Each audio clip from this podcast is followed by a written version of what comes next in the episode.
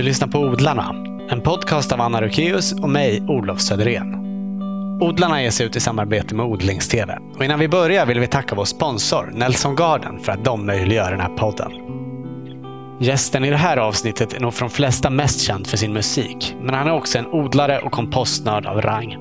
Jag talar förstås om Stefan Sundström, som också har skrivit en rad böcker, bland annat Stefans stora blå och Stefans lilla gröna. Dessutom är han krönikör på tidningen ETC, eller ETC som jag tror att jag också benämner den i programmet. Den här intervjun spelade vi in hemma i mitt och Annas kök på Södermalm i Stockholm den 4 december. Och tidigare samma dag hade vi också varit och hälsat på hemma hos Stefan och kollat in hans odlingar på Färingsö som ligger i Mälaren strax väster om Stockholm. Jag låter rätt kraxig, jag var på väg att tappa rösten efter en förkylning, men nu är den som tur är tillbaks. Varsågoda, här är Stefan Sundström.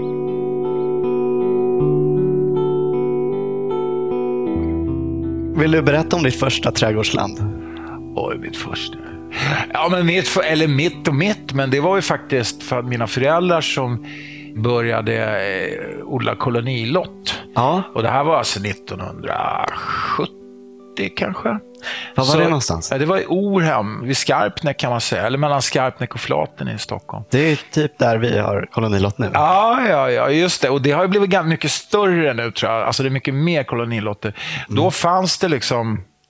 Det fanns, dels så fanns det med hus. Det fanns, bredvid så låg det liksom, det var som väldigt tätt med hus. Men vi hade då bara två, lot, två lotter till slut. Som bara var mark. Sådär. Och så var mina föräldrar, det var, alltså det var galet. På, eller det var det ju inte. De, de tänkte potatis och hallon tänkte de. Så att vi hade jättemycket potatis i den här jävla lerjorden. Ja, hade man vetat det man visste nu, liksom, så hade man ju sagt åt dem att tänka om. Men jag gjorde ju bara som de sa, eller försök, alltså, då skulle man gräva om det där jävla landet också. Så det var min första erfarenhet av jord. Så här var, ja, men jag var ganska lydig då. Så att jag gjorde ju det, men jag tyckte det var för jävla tråkigt. Och sen har man ju läst att det var jävligt onödigt. Men de tänkte ju i de här gamla traditionella banorna. Ja. Och så kom jag vi fick ju en jävla massa hallon. Det var roligt. Vad skulle du gjort med lerjorden idag då? Jag skulle nästan ha låtit den ligga och så bara gå och skaffa hästskit. Och så lägga det liksom i princip ovanpå. Eller man, det vet väl antagligen lyssnarna, men alltså att man gör en djupsäng. Man gräver upp lerjorden en gång för alla och så blandar med hästskit och sen lägger man på ett lager hästskit till så man får en limpa liksom som är ja, 30-40 centimeter över marken, så att säga. Så det blir en bädd. Och sen kan man bara fylla på den där så, och så aldrig mera gräva om.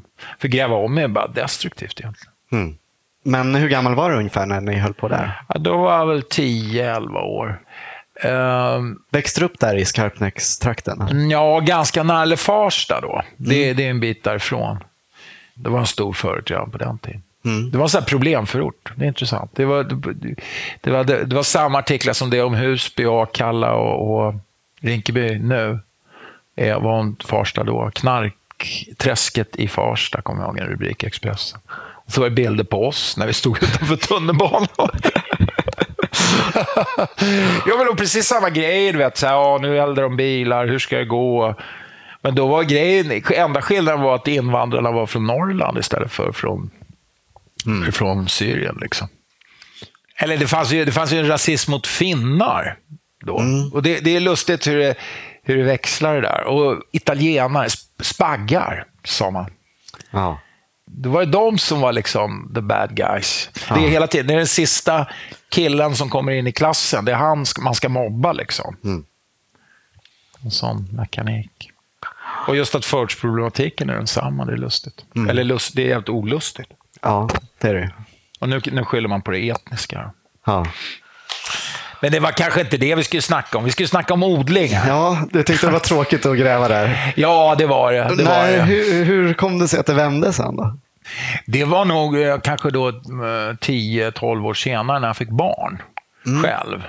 Så, äh, men jag hade alltid haft i bakhuvudet att få jag barn, eller jag ville ha barn och så hade jag någon vision sådär av att vi skulle bo ute på landet och så skulle min fru springa omkring gummistövlar och kort kjol. Jag tänker, jag, jag fantiserade när jag var i tonåren. Sådär. 70-tals... Det var nog väldigt så här, influerat av ja, men den tidens gröna vågen och sådär. Så jag, hade varit, jag, hade, jag kommer ihåg när jag var 17 så åkte jag upp till Delsbo en gång. Mm. På spelmansstämma. Vi, hajade ju ingen, vi var inte intresserade av fiolmusik. Nej. Men vi hamnade då bland massa hippies som bodde ute i skogen där. Jag blev så jävla fascinerad av dem. Och- jag trodde väl typ att de levde på, på den där jävla stackars geten som de hade. Där. Jag fattade liksom inte riktigt. Men jag, jag tänkte väldigt romantiskt om det där. Ja. Och så, så när vi fick barn då, och då fick jag ju barn med en tjej från landet, verkligen. Hon kom ju från Arvidsjaur Aha. och var norrbottning. Liksom. Hon har inte alls de här, de, den, den romantiska synen på, på landet och så. Men, men det slutade med att vi hamnade ute på Svartsjöland, eller på Färingsö. Så. Mm. Samtidigt så var ju det här med Tjernobyl och det 1986 då, som, som gjorde att jag blev väldigt upptagen av vad man eh, gav sina barn för mat. Mm. Så jag började försöka gö- göra, jag tänkte jag skulle odla palsternackor och jordärtskockor och göra liksom bebismat av. Just det, du skrev om det i Stefans Ja, lilla gröna, att ja. det var den första framgången Ja, eller det var knappt någon framgång. För morötter gick inget bra kan jag säga på, på lerjord. Det blev det för jävla fatta. dåligt. Däremot jordärtskockor funkar ju på lite vad som helst. De är, de är väldigt eh, Ja, det är väl nästan bland det att- lättaste man kan Ja, väldigt tacksamma att odla. ge sig på. Och väldigt bra att ge, just göra eh, bebismat av. Faktiskt. Men palsternackorna då, det har jag provat och inte haft någon större framgång med. Alltså, nej men det, det, det lustiga var att de funkade skitbra i den här leriga jorden. Men redan då hade jag, eh, det finns så jävla mycket hästar ute på Färingsö, så jag hade tillgång till hästskit. Så jag fick gigantiska eh, palsternackor. Härligt. Ja, ja. Är det hästskiten som är hemligheten? Ja, det, i min värld är, är det faktiskt det. det, det utan det, det alltså, så är det ju på något sätt. Alltså, finns det, alltså, vi, vi är i symbios med husdjur. Alltså. Vi måste, för, att ha, för att kunna odla grönsaker så måste man ha djur. Det är många som inte tänker på det, men alltså, man måste ha gödsel för att kunna få fram grönsaker. Ja. Så tänker jag. Men eh, du bor kvar på Ekerö? Eller på, Ja. du bor kvar på Färingsö, ska vi säga. Ja, ja, Ekerö känns inte helt Det är inte exakt hundra. samma ö, men Nej. det är samma kommun. va? Ja, det är tyvärr. Det var förut var det två kommuner, men de... Ja. Men var det där, där vi var och hälsade på som ni bodde då, när Mm. ni flyttade dit? Ja, eh, nej, nej, nej. Vi först flyttade ut till ett litet, litet torp som vi hyrde för tusing i månaden eller något. Ja.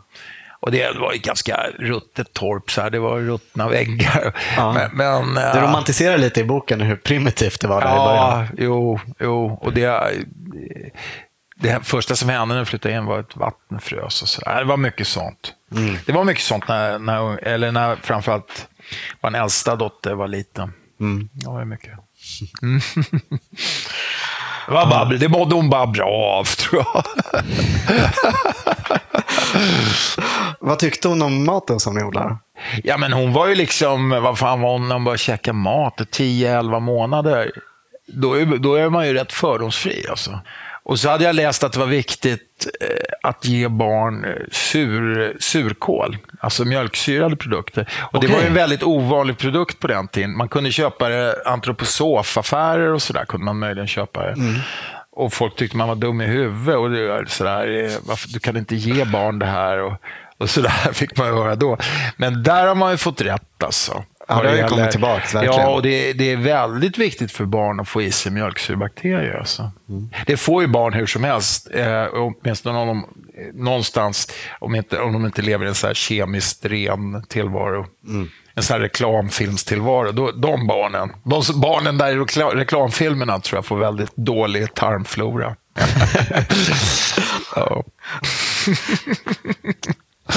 Har du några andra favoritgrödor utöver palsternacka och jordärtskockor? Och... Ja, nu vet jag inte om det där är mina favoritgrödor längre. Jag tycker nog faktiskt tomat är det mest eh, tacksamma och roliga att odla. Ja, För det blir så jävla gott jämfört med det man köper. det är stor skillnad ja. Ja, Det har du i växthusen. det har jag i växthusen. Det går att odla ute också. Om det i alla fall... I somras så hade det nog inte gått så bra. Det var så Nej. dålig sommar. Men, men ja, det finns ju sorter som man kan odla ute också. Nej, men jag, jag har odlat eh, mycket tomat och hittat några sorter som jag tycker är jävligt bra. Så. Ja. Vad gör du helst av dem då? Ja, alltså... Jag, Egentligen, så- alltså man får ju, det är jävligt gott att äta färsk tomat. Det finns en sort som heter Brandywine som jag har tjatat om i mina böcker. Som är en amerikansk, eh, ja, det är, ja, kanske bifftomat, men som är rosa och egentligen helt kommersiellt omöjlig att odla för att den går sönder. Ja, den, är, den imploderar nästan av sin egen tyngd. Ah, Men man den måste så ta den i rätt, Ja, i rätt man måste läge. ta den i rätt läge och den är svår att liksom laga. Så men den är så jävligt övergod.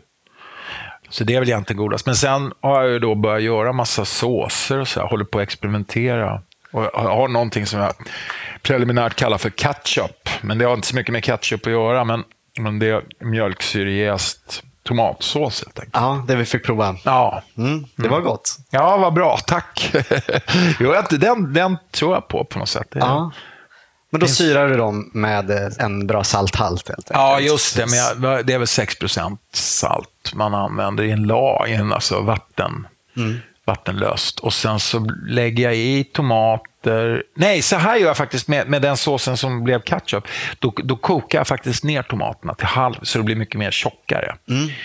Och att få sen när det svalnar, ja, då har man ju samtidigt dödat av massa saker. Men å andra sidan så får man då en sås och då tar man det där och så blandar man det och så lägger man i vitlök och lite chili och sådär.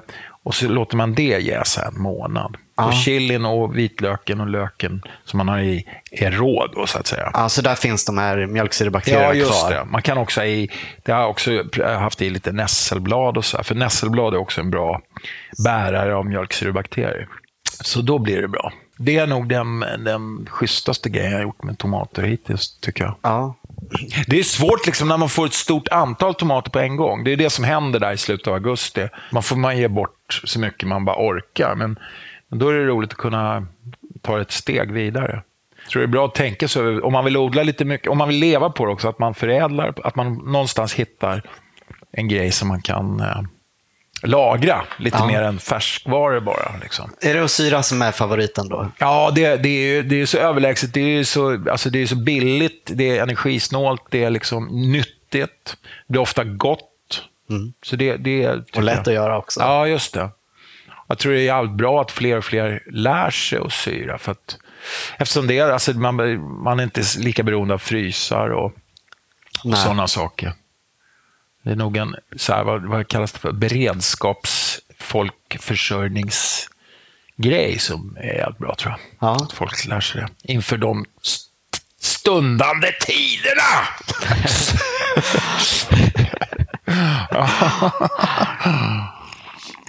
Men du odlar i såna här djupbäddar. ja, just det. Och eh, använder du någon typ av växelbruk för att, för ja, att ja, inte jag tänker på... Det var faktiskt därför jag slutade odla tobak. För att tobak och, och tomat och potatis är, de är ganska nära släkt och bär på samma sjukdomar.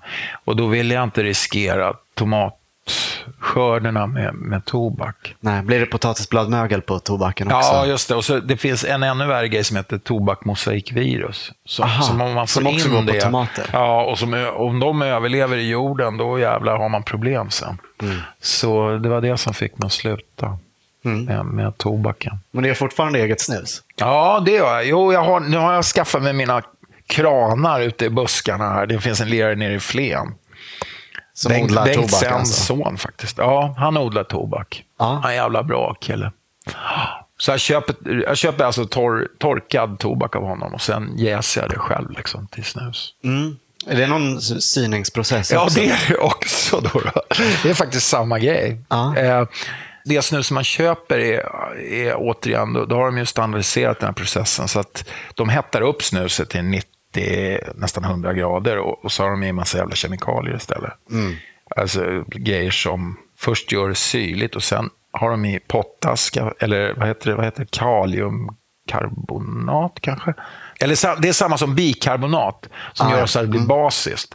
Och det, när jag höll på att experimentera med det där så märkte jag att skippa det där så blir det fan mycket bättre. Ja. Så till slut, det jag har i snus, det, det är bara salt.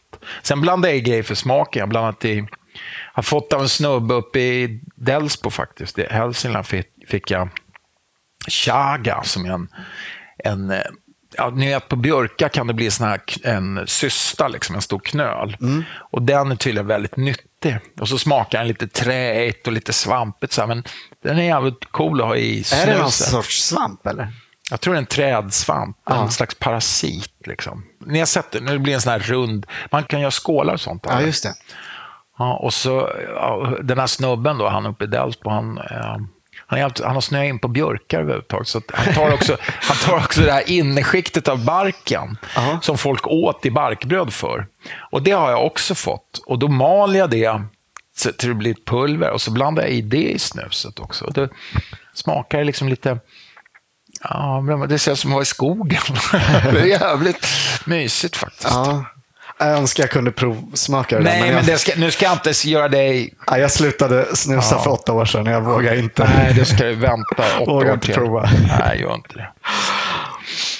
Har du några andra såna här knep du använder i odlingen? Jag läste i någon av dina böcker att du har eh, lagt biokol i dastunnan. Ja, ja, just det. Uppe, uppe, det. Jag har ett ställe uppe i Dalarna som är bara en timring ute i skogen mm. utan el. Det är verkligen så jävligt bra och skönt att vara där ibland.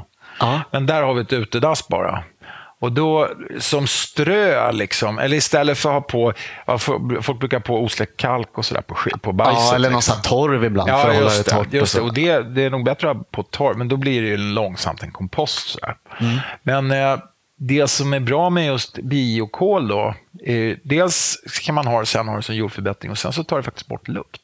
Mm. Det, är det, alltså det är som aktivt kol. Jag har använt det som jordförbättring i lerjord också. Det, ja, det, det, det absolut. Alltså. ja, ja, för fan. Och den har varit blandad med eh, hönsgödsel och det luktar inte någonting. Nej, och hönsgödsel nej. brukar ju ja, just stinka det, ja, rätt, annars. Ja, det, det är ganska elak lukt faktiskt. Mm. Hästgödsel står man ut med på ett annat sätt tycker jag. Det, jag tycker att hästgödsel luktar egentligen ganska gott, om man ska vara ärlig. Ja. Ja, nej, men så det, det, biokol är jävligt bra. Sen har jag förstått att biokol, alltså här i Norden har vi i, i princip ett sånt tjockt humuslager så att det inte riktigt behövs. Men alltså, det där skulle kunna bli en stor grej i Afrika till exempel. Alltså när man måste bygga upp eller alltså restaurera en matjord. Mm, så binda, det, och binda ja, näringsämnen. Binda, binda näringsämnen, binda vatten också. Ja. Skulle det kunna bli en jävligt stor grej. Och, och det, det, det, man, man binder ju kol då. Om man mm. skulle göra det väldigt storskaligt så skulle det kanske det ha betydelse då. Ja. ja. Du gör egen biokol? Ja, jag gör det. Jag, från början så, så hade jag, jag höll på att köpa kakburkar hela tiden på loppisar. Så här. Men de, de är så, det är så tunn plåt i dem så de, de krackar ihop efter tre, fyra bränningar. Ah. Men nu så fick jag faktiskt ETC som beställde tio stycken form, eh, liksom, ordentligt i, i så här jävligt tjock bilplåt. Ah. Och den bara håller och håller och håller med två, och så skruvar man, man lägger i då det här äh, grej, alltså, vad ska man kalla det för? Ja, det är pelletsliknande. Man har malt, jag mal grenar och sånt, så de blir som små pellets. I en flismaskin eller kompostkvarn? Ja, jag har en kompostkvarn. Mm. Det blir, och det blir faktiskt lagom stort. så här. Och Sen så häver jag i det i den här burken, skruvar på locket och då är det två små hål i den. Så lägger jag in den då i min kamin när jag eldar och så förgasas det här. Mm. Och, så, och gasen brinner upp, men kolet blir kvar. Så, och det, det är som grillkol. Ja. Det är det det är. Och sen så pissa på det och sen lägga det i kompost. Ja. Så funkar det. Ja, det är en bra, det är en bra grej. Och så känner man ju, det är löjligt, men det, det, är, det är ett religiöst plan. Det handlar inte om några reella siffror, men man, lite, världen blir lite bättre. Man binder lite mer kol i marken, även om det är extremt lite. Om alla gjorde det så skulle Om det alla bli gjorde mycket. det så skulle det bli hända grejer. Ja. Definitivt. Ja. Men så har du ju växthus också, det nämnde vi redan. Mm. Du har lite uppvärmning till och med i det ena växthuset. Ja, jag fick, jag, jag fick ett vindkraft, jag fick en, en vindsnurra helt enkelt som inte är så stor. Jag fick den i 50-årspresent. Eh, den är precis under bygglovet och det är sex meter högt. Men den är okej. Okay, det är bara det att min tomt inte är speciellt utsatt för vindar. Nej. Man kan inte sätta den någon annanstans än på min tomt, tyvärr. Nej. Så att, eh, den Det är ju bra ger- för odlingarna i och för sig Ja, just det. Det är ju faktiskt därför vi valde att bo där också. För att det är, det är skyddat mot nordvindar. Det är väldigt så här... Ja, det finns ett litet mikroklimat där. Mm. Men det, jag såg på elmätaren att det där blev ju inte många watt. Liksom. Men, men det som jag kunde göra, tänkte jag då, det var liksom helt enkelt att att jag konverterar inte, alltså man måste alltid konvertera ström från likström till växelström för att få det konvertibelt med alla andra grejer. Men Med alla vanliga elektriska Ja, prylar. det. Men då sket jag i det och så lät jag det gå förbi och så går det ner som en, sling, en värmeslinga då i jorden inne i växthuset. I bara en del av, alltså det kanske är två kvadrat. Men de värmer jag upp då till, ja men det är då med en sån här, eh, vad heter det? Ja, den känner av jorden. Vad heter? Transformat? Nej, det heter det inte. En eh, termostat. En termostat. Så att den går aldrig liksom under fem, fem plus. Och så när jag vill sätta, då, då drar jag upp det så att det blir sju, åtta plus i jorden i januari, februari. Så här. Och då kan man ju sätta frön där. Och grejen med det är också att man, då utnyttjar man liksom det solljus som är liksom innan midsommar på ett annat sätt. Det blir ju liksom lika mycket sol där i april, maj som det är i eh, september, oktober, liksom, om man säger så. Och då, jag får liksom tre skördar i växthuset om året. Ja, du kan kicka igång tidigt och Ja, jag kan kicka igång hålla på tidigt. länge på Ja, hösten. just det, just det. Framförallt kicka igång tidigt. Så då på, på våren då, ja, spenat, persilja, ja, faktiskt morötter har jag kört in i växthuset också där. Och sen eh, i maj, juni sätter jag ut tomaterna. Och så växer de till sig och när, så där, när, man, när, skör, när man börjar skörda tomater i augusti, då, då frösår jag grönkål i små brätten som jag runt, säg första september så sätter jag ut dem under de här tomatplantorna. Så får de växa till sig under och när jag tar bort tomatplantorna så är de stora och det är ju det jag visade er idag då. Det här. Ja, Grönkål, svartkål, ja lite sånt. Och då, det är, Härligt. de växer bättre på hösten och man slipper det här gidret med sniglar och sånt. och de står sig hela vintern om det inte blir alltför kallt. Ja, ja, man kan täcka dem med, med dukar så när det, är, när det går Ja, många, så du utnyttjar ytan i stort sett hela året? Ja, faktiskt. Det är grymt. ja. Och jag tror man, det är bra att lära sig det här att, att liksom, det är ingen idé Ja, men till exempel växthusodla tomater på vintern. Det, är liksom, ja, det kan man ju göra om man har massa, öser in energi och har LED-ljus och sådär. Men det är jävligt värdelöst. Det är bättre att tänka just de här kolsorterna. Det finns ju massa kinesiska kolsorter och så här som man kan få fram då på vintern. Det är mycket effektivare. Liksom. Tomater blir ju inte riktigt lika bra när de inte får tillräckligt med ljus. Eller? Nej, nej. Och så blir det ju roligare att käka dem då också, om man har längtat lite efter. Ja, det är något härligt med det där säsongs... Ja, ja visst. säsongsmaten. Ja. Pratar du med dina växter? Ja. Jag har faktiskt börjat, sista, jag börjar bli så jävla gammal. Jag börjar, men, jo, det kan jag. Ja. Sjunger Ja. du för dem? Ja, jag går nog, jag vet inte riktigt. hur- Om man skulle spela in den så skulle det nog låta helt märkligt. Pratar ni om något särskilt? Eller? Nej, jag berättar för dem hur jobbigt det är att vara människa. Hur mycket roligare det är att vara grönsak. Och de bara, okej. Den som finge vara en grönsak ändå. Så. Uh. Ja. Många vet säkert att du älskar din kompost. Ja. Vill du berätta om den kärleken? Om den kärleken. It's, a dir- it's dirty love. Nej, men jag... Ja, kärlek. Jo, men det är ju på något sätt... Jag, jag vet att jag skrev någon gång så att om man, om man har liksom existentiell ångest, så att vad fan har man för funktion i den här världen egentligen? Och det kan jag nog ha ganska ofta, så att man går och funderar på vad fan är det här bra för? Då kan man i alla fall... Jag tycker alltid det känns så här som en mening med att gå ut med komposten på något sätt. Det är som att man fullgör... Ja, det är, det är lite religiöst då kanske. Mm. Det på det viset.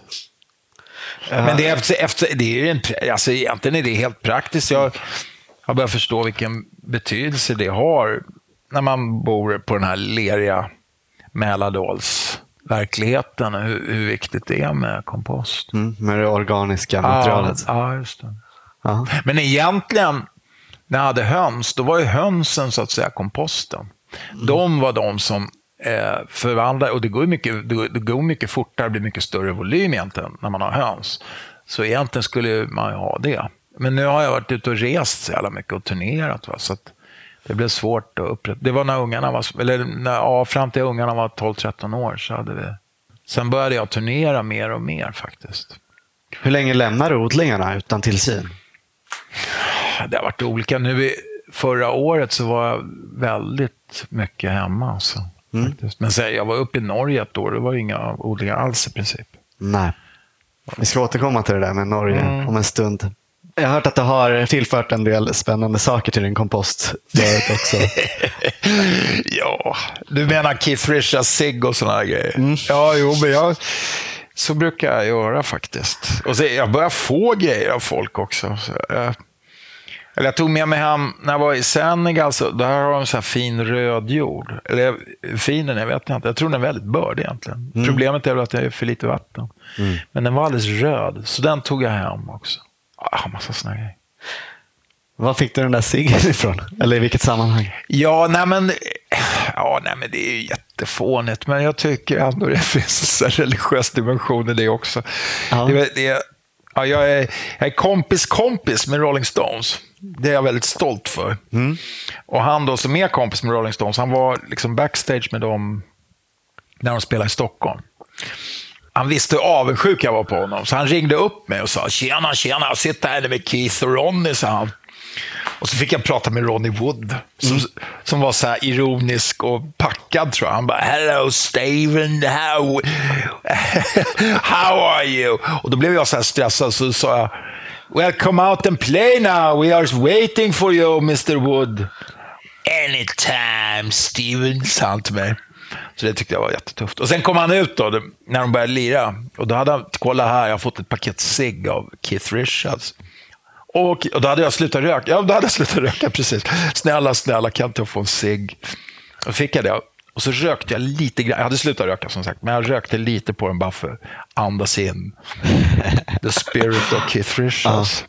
Nej, vad fånigt. Sen tog jag hem den. Sen var min dotter i tonåren och rökte upp hela skiten. Men hon, hon sparade, sparade en liten fimp, så här, själva filtret. Och det hade jag i komposten. Mm. ja. ja, nej, men sen har jag då eh, också ett magnoliablad från Hydra i mm. Grekland. Mm. Från en trädgård där, som är Leonard Cohens trädgård. Var du hälsat på honom där? Nej, jag, var aldrig, jag har aldrig varit på Hydra, men det är en polare återigen till mig som eh, bodde granne med honom där ett tag. Aha.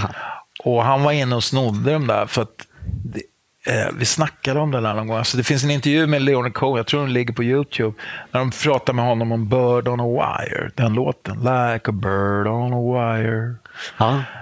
Eh, och då pratar de om den och så sitter de i hans trädgård och då pekar han upp. It was that wire, säger han och pekar. Då är det en telefonledning som går in genom de här, den här magnolian som då var i blom, tror jag, när han pratade. Så då tog han några blad från den magnolian och gav till mig. För att han visste att jag hade den här mm. fetischen på att lägga saker i min kompost. Ja, det var med tanke just på det. Det var inte ja, meningen ja, att du skulle ha det rama in den. Ja, så här, jag hade den, först hade jag den på skrivbordet i en skål så här, några veckor. Mm. Så, ja. Nej, men jag håller på sådär. Jag ska nog... Fan, man ska inte prata för mycket om de här grejerna. Nej, men det är roligt. Jag tror, nej, men jag tror man ska vara rädd om andligheten i det. Det är som jultomten, man ska inte prata för mycket. Nästa grej du sparar i komposten får du berätta om för växterna. Ja, just det. Bara då, det är bara de som får veta det. Ja. Mm. Jo, men förresten, vet du vad jag har i min kompost? Det jag ska berätta. Mitt senaste barnbarn. Naveln, den här lilla biten som trillar av efter ett tag. det var min dotter som skickade till mig. Så jävla coolt tycker jag. En lite så här torr, röd skinnbit. Så här. Som hon skickade i ett brev? Ja. Så den åkte ner i komposten. jo, men det är ju så. Allt, allt går runt. Mm. Det är det som är den religiösa aspekten av det. Ja. Du har ett stort miljöengagemang. Jag vet att du har inte haft en enda spelning på hela hösten, men det var att spela på den här klimatmanifestationen som ja, var i Stockholm ja, för ett par veckor sedan. Det var ju en lätt sak, det var bara en låt, så det var ju ja. baggis. Liksom. Hur stor del av ditt odlande är miljöengagemang? Ja, det är intressant. Ja, men jag tror drivet i det mycket nu för tiden, att jag, att jag liksom inte ger mig om det. Mm. Det är väl just eh, någon slags miljöpolitiskt engagemang. Annars skulle jag nog ha tyckt att det kan väl någon annan sköta. Så jag kan göra det på rent trots ibland, nästan som en politisk handling. Liksom. Att det känns som att man saknar något konkret eh, när man ser hur världen bara håller på att fara åt helvete faktiskt. Så kan man ju gripas av... Eh, ja, man kan bli väldigt eh, cynisk tycker jag och väldigt sådär, bara ge upp. Och då är trädgårdsodling eller livsmedelsframställning ganska konkret och bra. Mm. Ett sätt att göra något ja, på riktigt. fast det är väldigt... Alltså det, det räcker ju inte. Jag räddar inte världen med det direkt. Men jag, mm, jag räddar min själ ett tag till, möjligen. Man mår ju väldigt det, bra det är av det. Lite som, ja, man mår ju väldigt bra av det. Men det är lite som biokol som egentligen, om det skulle göras storskaligt, skulle vara väldigt bra för den här planeten. Men, men det handlar ju mycket om ens egen själsfrid, tycker jag. Mm. Egentligen samma som när man installerar solceller. Det är också lite samma sak. Att kunna sova lite godare på natten. Ja. Ja, men det är väl som med egentligen allt man kan göra själv. Så ja, är det ju, ja. det är ju små saker. Men... Ja, just det. Jo, men alltså som, som läget är nu med världen så är det ju nästan som det är som att vara sjuk. Va? Det tror jag. Det är som att ha cancer eller något. Och så, ja, men jag kan ju, kan ju åtminstone gå igenom den här strålterapi. Eller liksom jag kan i alla fall göra, jag menar, hur, hur förhåller man sig till en sån, ett sånt faktum? Hur förhåller man sig till att leva i den farligheten? Mm. Ja, man gör väl som doktorn säger och, man liksom, och så försöker man liksom göra det så gott man kan. Och det, det tycker jag är ungefär ganska precis vad vi håller på med nu. Ja. Ärligt talat. Och man vill ju göra vad man kan, även ja. om det inte är så mycket. Nej, det. Och då kan man i alla fall, även om det går till helvete, så kan man, ja, jag försökte i alla fall. Mm. Du nämnde Tjernobyl tidigare. Mm. Ja. Hur stor betydelse hade det? Och hur liksom kom jo, in men det de hade väldigt stor betydelse. för det är en sak som är, även, det är en, det är en väldigt osynlig sak, det här med radioaktiv strålning. Mm. Men det är väldigt, samtidigt så är det väldigt lätt att förstå. hur, alltså att det regnar ner från en moln som kommer drivande från Ukraina eh, och, så, och så hamnar strålningen i, i näringskedjan och så hamnar den till slut, vandrar den upp och så hamnar den i oss. Och då var jag nybliven pappa så jag förstod att den hamnar i mina barn. Mm. Och då blev jag väldigt sådär aware av det. Så där någonstans ja, började jag söka mig till sen när man ska handla mat. Och, och hamnade i det. Alltså klimatfrågan var inte speciellt um, vad ska man säga, känd då. Det här med att koldioxiden, vi tar upp massa kol i marken och så förgasar vi den och den hamnar i atmosfären, vilket förändrar klimatet i och med att det blir en slags växthus, drivhuseffekt av det. det. Det hade jag väldigt svårt att liksom rent tekniskt förstå. Jag kanske är dum eller något. Men alltså den grejen att ta, alltså förgasar vi för mycket kol, som är en av grundämnena här i världen, och låter den hamna i atmosfären så alltså, går det åt helvete helt enkelt. Oj, vi må, det här är min fru. Nu ringer Ja, du får svara. Ja. Mm. ja, tillbaks efter ett kort avbrott. Mm. Mm. Du skrev i någon av dina böcker att du bestämde dig för att bli självförsörjande efter Tjernobyl. Ja, ja. Hur väl lyckades du med det? Nej, alltså det, det, skulle, det skulle nog ha gått om jag verkligen hade varit tvungen. Det tror jag. Men, då hade ju inte varit någon vidare varierad kost för barnen. Nej, men det är ju en väldigt... Alltså det, ska man vara självförsörjande i det här klimatet, då får man fan med ligga i. Alltså. Ja. Däremot om man ska vara självförsörjande i typ liksom mänsklighetens vagga, sådär, eller civilisationen, ja, Iran eller så. Va? Mm. Det går mycket bättre. Men mm. här, är, här är det liksom hårt.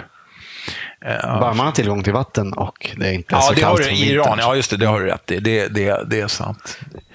Nej, men så det, det, det, har väl, jag har väl aldrig varit självförsörjande. Men det har Nej. alltid föresvävat mig som en slags, slags mål. I vilken grad är du självförsörjande idag? Nej, till väldigt liten del. Men eh, alltså, jag har, jag har som ner torkade bondbönor i burkar, så att ni har det där. Mm. Grönt. Det är gott. Ja, för fan. Det är det verkligen. Vad gör du helst av bondbönorna? Ja, passerad soppa tycker jag är fin. Alltså Mm. att man kokar den väldigt länge och så, och så blandar man. Skalar du dem när de är torra? Nej, nej, jag skalar dem aldrig överhuvudtaget. Jag har med det där som är... Mm. Jag tycker det är slöseri, faktiskt. Och när, när ungarna var små så hajade inte jag ens att man skulle skala fram den här lilla gröna bönan i. Nej. Så att jag gav dem det. Och spe, speciellt äldsta tjejen, hon tycker fortfarande det är så gott med det. Hon har någon sån här barndomsidé om det, ungefär som man själv har med blodpudding. Liksom. Ja, men eller vad fan. Ja, men det tyckte jag var jävligt gott när jag var blodpudding och lingonsylt, när man var 1965. Liksom. Ja. Ja.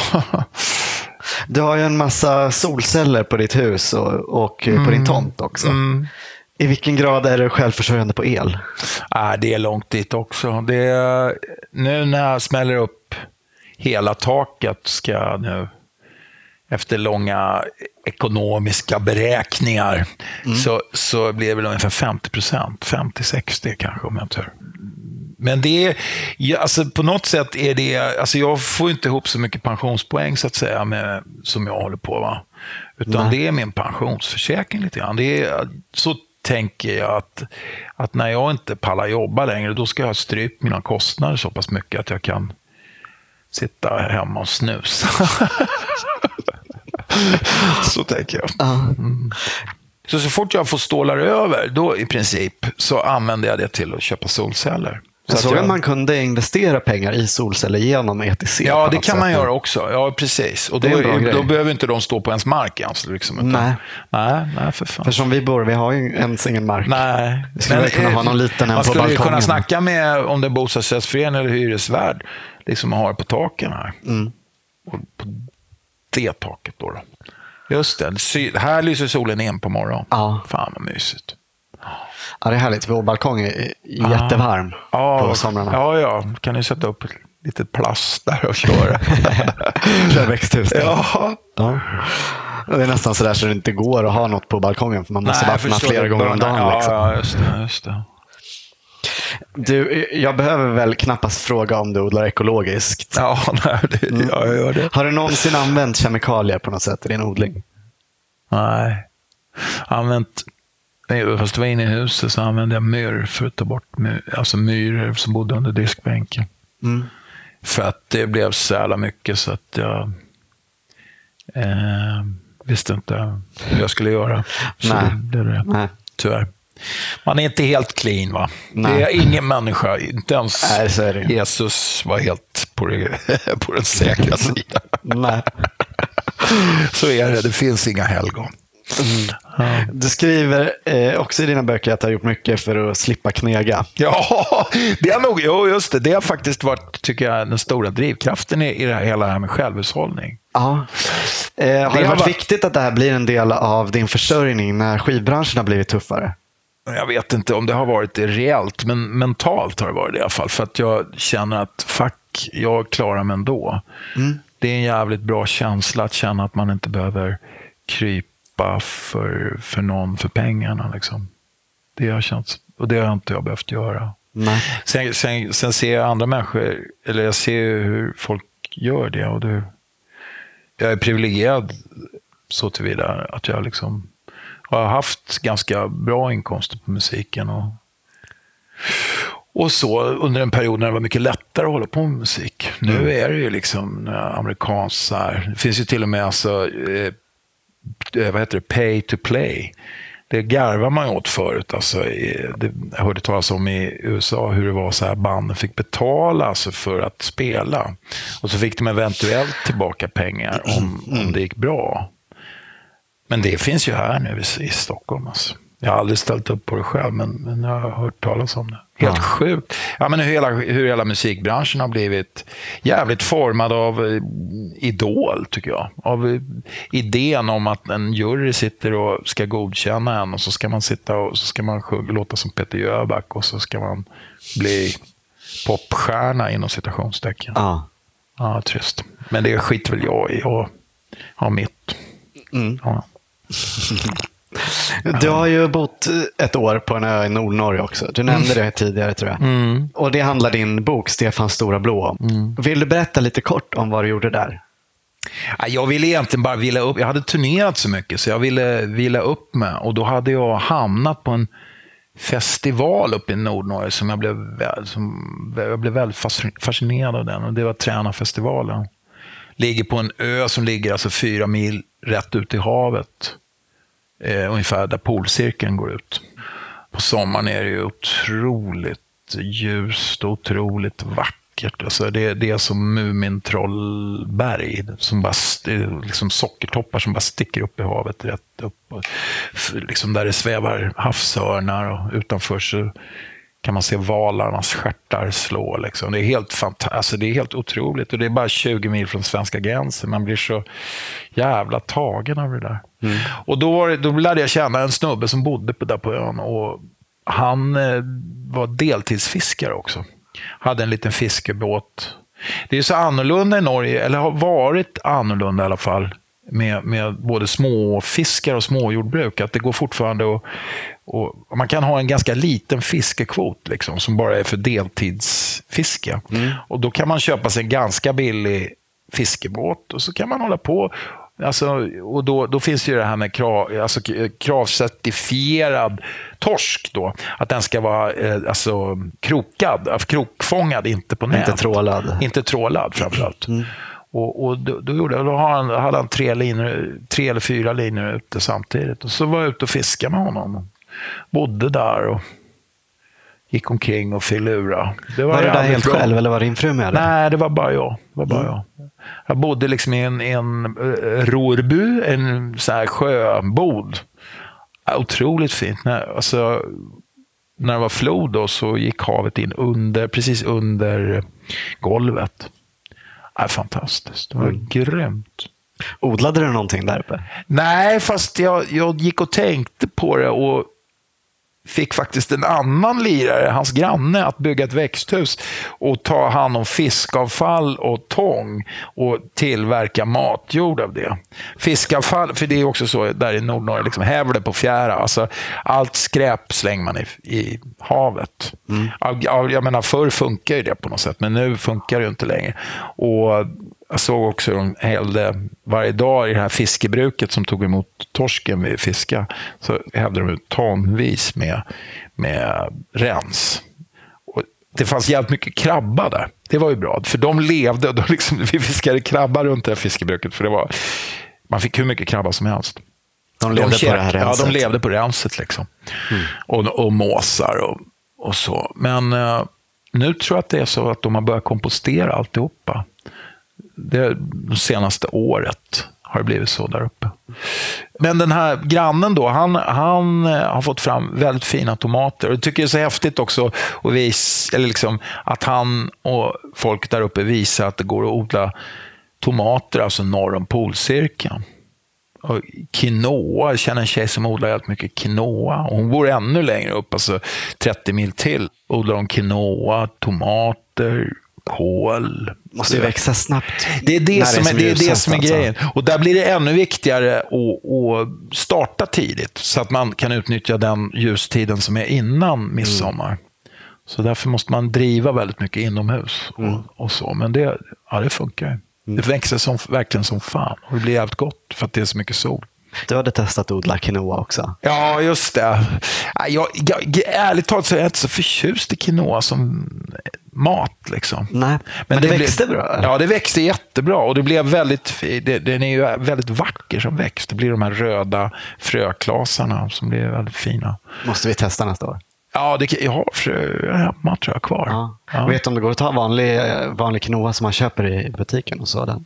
ser ju likadant ut. Det borde nog göra det. Om, mm. Ja, se till att den inte är skalad. Ja. Just det. Ja, men det, det gör det säkert. Det jag fick det var ju någonting hon hade fått från Bolivia. Mm. Som, och så hade hon kört i några år där uppe. I Västerålen heter det. det ligger, hon bor på ett ställe, helt nära ett ställe som heter Andenäs. Folk brukar åka dit på valsafari. Ja. Häftigt, så här, valar utanför, så quinoa inne vid land. Det är grymt. Ja. Ja. Häftigt. Tar du vara på mycket grejer från naturen också? Ja, jag tycker ju om att plocka bär uppe i Norrbotten. Mm. Så jag hade mycket lingon och blåbär och hjortron. Har plockat är det mycket där uppe? Ja, inte så mycket nu som när ungarna var mindre. Då var vi mycket där på somrarna mormor och morfar bodde ju där då. då. i början av augusti. Alltså där. barnens mormor och morfar. Ja, just det. Barnens mormor och morfar. Och Då, då, I början av augusti då var det alltid så här hjortron-racet. Var ute flera dagar på raken så här och bara plockade hjortron. Det var ju grymt. Häftigt med det här plötsliga överflödet i, i en ganska kär, den här kärva miljön som ändå är Norrbotten med de här. Det är liksom, det är, ju det är liksom fattigt på något sätt. Det är så här, granarna är, är små, och det är, det är liksom hårt på något sätt. Men så, så är det, så är, det, är liksom myren full av gult, grönt, rött. Liksom. Jävligt fint. Ja. Häftigt. Jag vet att nypon är en favorit för dig också. Ja, det är det. det, är det. Större och större favorit faktiskt. Mm. Och vad gör du med dem? Ja, nu såg ju du att jag gjorde vin på dem. Och det kan bli jäv... Om man bara har tålamod med det så blir det fantastiskt vin. Ja. Men då måste man helst lagra det något år. Alltså. Det blir... Min pappa kom för ett par år sedan och sa det här är nyponsherry. Den här, den här gjorde jag samma år som du föddes. Wow, ja, ja. Och sen ja. hade han gett det Oj, till min mosters man, tror jag. Sen hade den legat där så där i, i över 30 år. Och sen så hade han fått Oj, tillbaka Hade han fått tillbaks den? Oj. För- Ja, det är väl så man får göra, för jag dricker ju upp den här soppan hela tiden.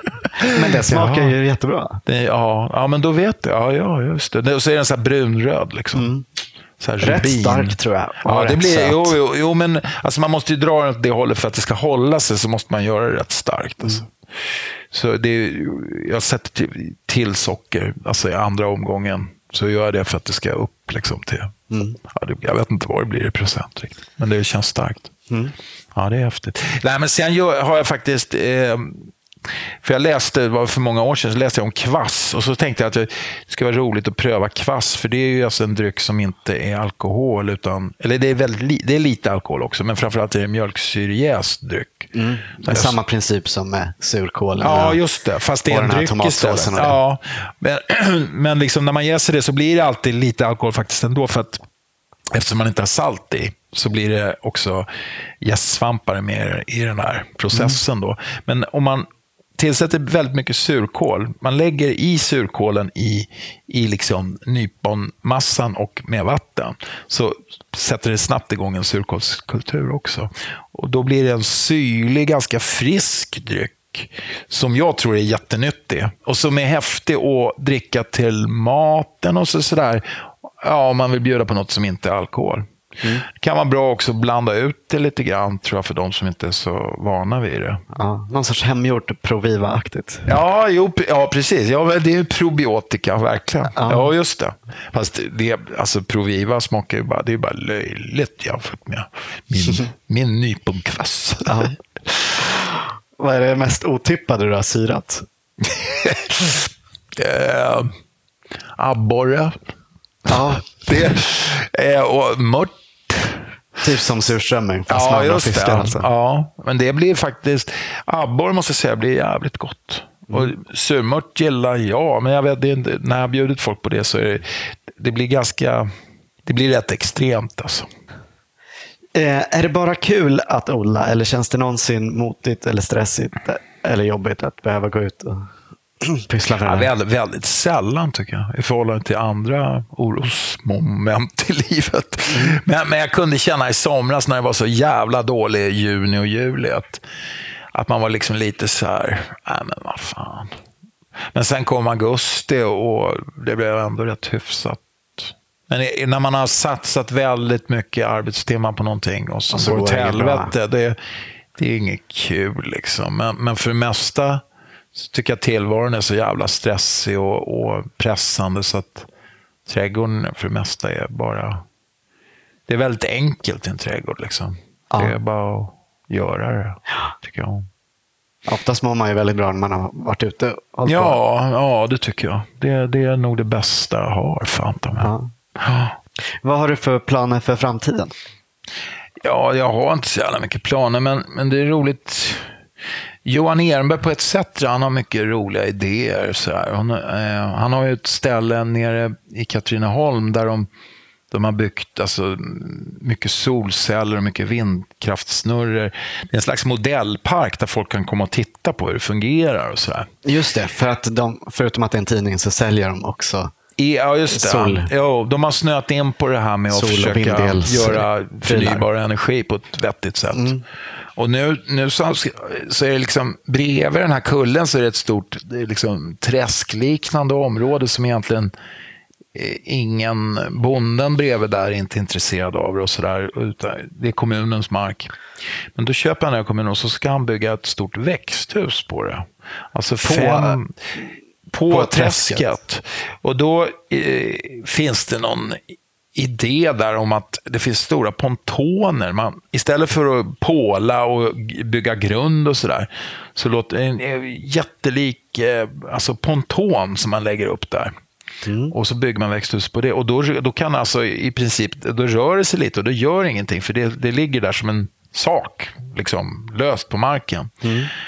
Och det tycker jag låter jävligt intressant. Och så att han skulle leda, och så skulle de här pontonerna skulle då bli fyllda med vatten och så skulle man leda ner eh, vind och solenergi alltså i det där och värma vattnet så att det blir liksom en slags termisk massa som, som gör så att... Ah, eh, så du får lite extra värme där. Ja, just det. Så att man kan börja odla tidigt på säsongen och sent och sådär. Ja. Så det, det tycker jag låter roligt. Och så, jag försöker snicka med i det där projektet då, och med mina tomatprodukter. Ja. Det kanske blir en kommersiell produkt av de här Ja, vem såserna. vet. Ja, men det vore väl roligt att, att göra något vettigt av det. Det tycker jag. Ja. Det vore kul. Stefans ketchup. Steffes ketchup. Gör barnen glada. Ja, jag skulle köpa den. Ja, vad bra. Då har jag en kund. Schysst. ja. Är det något mer som du tycker att vi borde prata om? Oj. Eh, jag tycker det vore roligt om folk eh, odlade... Om man, om man nu är nikotinist så tycker jag att man ska odla sin egen tobak själv och inte göda Dr. Mabuse i Swedish Match. Det är så. Innan vi slutar så skulle vi gärna vilja höra ditt absolut bästa odlingstips. det är att... Det är att ja, fast det har jag ju sagt. Det Stallgödseln du tänker på? Nej, nej, Jag, nej att, att, att se till att uh, utnyttja marken stor del av året som möjligt. Nej, men mitt bästa odlingstips är nog att se alltid till att jorden är täckt under växtsäsongen. Så slipper du rensa, du slipper gödsla, du slipper vattna i stor utsträckning. Så det, är- det är det mest arbetsbesparande tips jag någonsin har fått. Ja. Att hela tiden se till att marken är täckt. Vad täcker du med det? Ja, men det, men det jag kommer över faktiskt. Jag jobbar på en tidning så jag får jävligt mycket returer. Så, eh, och då låter jag dem ligga under hela odlingssäsongen. De blir blöta och, och liksom... Och sen i, ja, nu, i oktober, november så samlar jag ihop dem och lägger dem under buskarna så får de förmultna där. Eh, och sen lägger jag på nytt när jag ska, i början på våren. Sådär. Det tycker jag, ja, det är bra. Om, det, om, om man har gräs till exempel, då är det bara att låta det ligga kvar. På min sparrisbädd till exempel, så låter jag bara allting sjunka ihop. Det är häftigt att se också hur det försvinner. Hur det faktiskt fysiskt inte går att se längre. Och det, man kan lägga på liksom flera decimeter tjockt och på, på, liksom, på vintern är det borta. Någon har alltså dragit ner det här nere och gjort jord av det. Och det är de här små maskarna. Så det gäller ju också att vara polare med maskarna och se till att de gör jobbet åt en. Man är som en liten kapitalist där som proffar på deras arbete helt enkelt. Ja, men de får ju mat i utbyte. Ja, just det. Det säger kapitalisten också. Du, tack så jättemycket för att du ville vara med. Ja, tack. Det var ju trevligt Kul att att träffas. Ja, ja, kul. För fan. Gott te också.